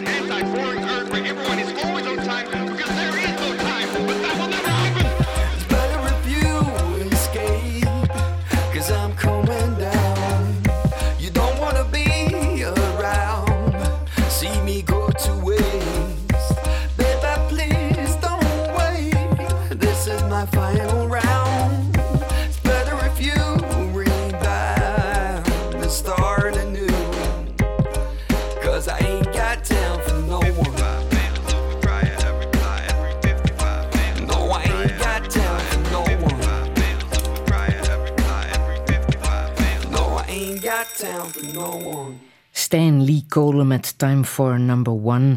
Hij wist misschien niet meteen wie Conscience was, maar hij maakt wel fantastische muziek. En daar gaat het ook niet over. Hè. Hij moet ook niet gedemoni uh, gedemoniseerd worden. Nee, dat soort uitlachpers uh, met, met mensen die eens een fout maken, dat vind ik ook niks. Uh, we leven in een democratie en niemand is verplicht om alles te weten. Ja, het gaat over de plaats die literatuur eventueel kan innemen in de samenleving. Maar als we er een plicht van maken, is het ook niet meer de bedoeling volgens mij. Ja. Een luisteraar zegt dat het uitkijken is op de E314 van Heerlen naar Lummen tussen Maasmechelen en Genk. Aan kilometerpaal 9.3 ligt er een ijzeren plaat op de rechterrijstrook. Stefan Hermans, wat is jouw levensmotto? Um, ik denk iets wat ik daarnet in het gesprek al even vernoemd heb. Uh, het is de titel van een toneelstuk uit de 18e eeuw van Oliver Goldsmith. She Stoops to Conquer. Het is een soort komedie uh, à la Così van Tutti van, van Mozart met uh, amour, amoureuze verwikkelingen erin. Ah. Maar de, de titel is me altijd bijgebleven. Um, je moet soms onder het juk kunnen door om te overwinnen. En dat betekent om te raken waar je zelf wil raken. En natuurlijk het grootste juk waar je onderdoor moet is jezelf, je eigen mogelijkheden. Dus ik geloof wel dat ik daarin een combinatie zie van vasthoudend zijn en toch niet verder springen dan je stok lang is. Je eigen beperkingen kennen, maar ook je eigen vermogens zoveel mogelijk uitbuiten en uitbaten. En daar dan zo ver mogelijk in gaan. Dus, en soms moet je, moet je bescheiden blijven. En ik, ik hou niet van mensen die zich op alles laten voorstaan wat ze gedaan hebben, uh, die zo uitpakken. Dan denk ik, je krijgt nog wel een smak. Um, het leven is zo, het leven is dialectisch. En je moet, wat je ook doet in je leven, je moet beseffen dat er aan alles een grens is wat je doet. En ik geloof dat dat soort boodschap van mijn grootvader ook van dat je het op een bescheiden manier moet doen, maar wel koppig en vasthoudend moet zijn, dat ik dat uh, het belangrijkste vind in mijn leven. Hmm. Wat wil je nog in, in dat leven? Je bedoelt echt letterlijk wat ik in de jaren die ik nog voor me heb wil. Schoonheid, evenwicht, rust, warmte, vreugde. -huh. En hoe uh, ga je daar naar op zoek? Um, het ligt enerzijds natuurlijk voor mij in alles wat ik al mijn leven meedraag. In, in de vreugde van de bibliotheek. De, de bibliotheek is zo'n Arcadia.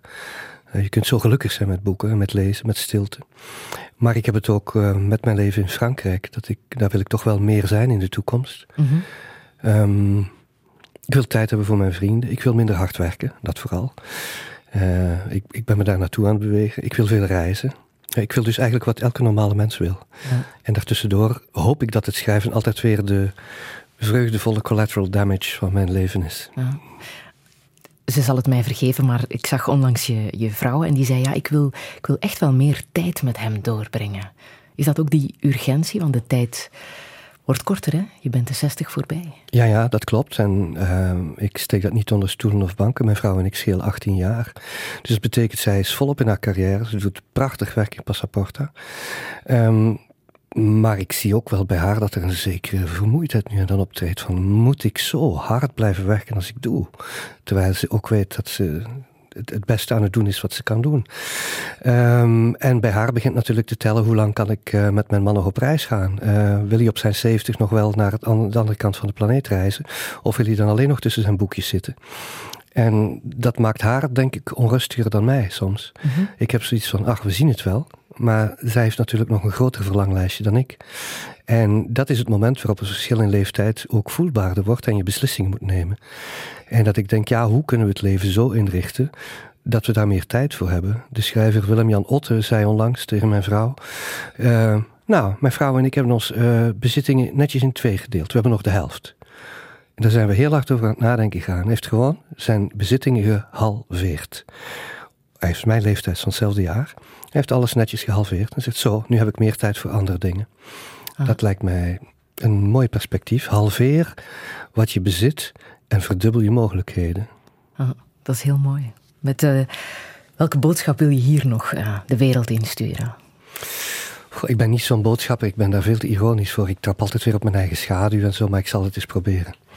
Want in mijn SS ben ik natuurlijk wel zo'n moralist, dat geef ik toe. um, ik denk dat we veel te assertief leven, veel te veel op zoek zijn naar onszelf be bevestigen, naar uh, onszelf placeren in die hele wereld. En daarbij eigenlijk een zeer angstige indruk maken. Uh, ik denk dat we een, een, stukje minder assertiviteit zouden moeten hebben. Wat meer van She Stoops to Conquer. En wat meer loslaten. Let it be, let it be. Laat de dingen maar een beetje op hun beloop. Probeer niet altijd overal bij aanwezig te zijn. Probeer niet altijd te bewijzen dat je mee bent. Dit land is zo hectisch geworden. En dat is ook waar ik van vlucht als ik naar Frankrijk ga. Het leven is daar nog veel naakt. Er is veel essentieeler. Het gaat niet over wat je gedaan hebt en wat je gezien hebt en wat je weet, maar wie je bent en wat er uit je ogen en je houding spreekt als je daar staat. En ik denk dat we dat in dit zeer dichtbevolkte landje een beetje vergeten zijn. We zijn allemaal zo gemobiliseerd door de wereld. Mhm. Ik zou zeggen, we moeten in ons innerlijk een beetje demobiliseren, minder assertief zijn en ook minder angstig zijn mhm. voor, uh, voor de rust en de stilte. En dat is ook dat leven halveren, denk ik, hè? Ja, dat is zeker een stuk van je leven halveren. En daarin dus het verdubbelen innerlijk. Ja. Wat, wat zou jij al meteen kunnen schrappen uit je leven? Um, ik zou bijvoorbeeld eenvoudig kunnen gaan leven. Ik woon uh, mooi uh, buiten Brussel. Maar dat betekent dat wij twee auto's moeten hebben, wat ik zelf ecologisch verschrikkelijk vind. Um, we zouden eenvoudiger kunnen gaan wonen, bijvoorbeeld. En dat zullen we ooit wel gaan doen. Uh, om dan een, een, rustiger leven te hebben waarbij je veel minder verplaatsing nodig hebt. Waarbij het leven eenvoudiger wordt doordat je alles in de buurt hebt, weer in het stedelijk weefsel te zijn. Dat zou een eerste grote stap zijn voor mij. Maar dan moet ik mijn tuin missen. Mm. Ja, die vind je. Die vind je dan elders weer terug. Mm. Um, laten we het leven vereenvoudigen met uh, deze muziek van Mahler. Dit wil je nog laten horen, hè? Der Einsame im Herbst. Waarom precies? Omdat het van zo'n onwereldse schoonheid is. Um, ook de tekst is prachtig. Op een bepaald moment zingt, uh, dus, ik weet niet, er zijn uitvoeringen voor uh, tenor, er zijn er voor sopraan. En voor mezzo, zelfs het is al door mezzo's gezongen ook, geloof ik. Man meint, ein Künstler hätte Staub von Jade über die feinen Gräser ausgestreut. Je zou denken dat een kunstenaar een fijn stof van jade over het fijne gras heeft uitgestrooid.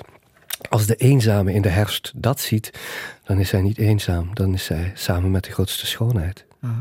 De herfst is ook jouw favoriete moment, hè? ja, omdat het, het waarschijnlijk een meditatief moment is. Ja. We gaan luisteren.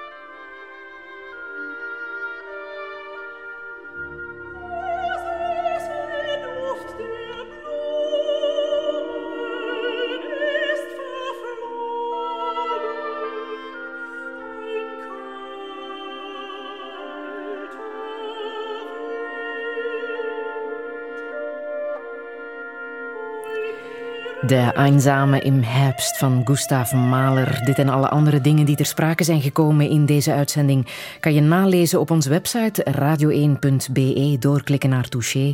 Stefan Hertmans, ik wil je hartelijk danken voor uh, dit fijne gesprek.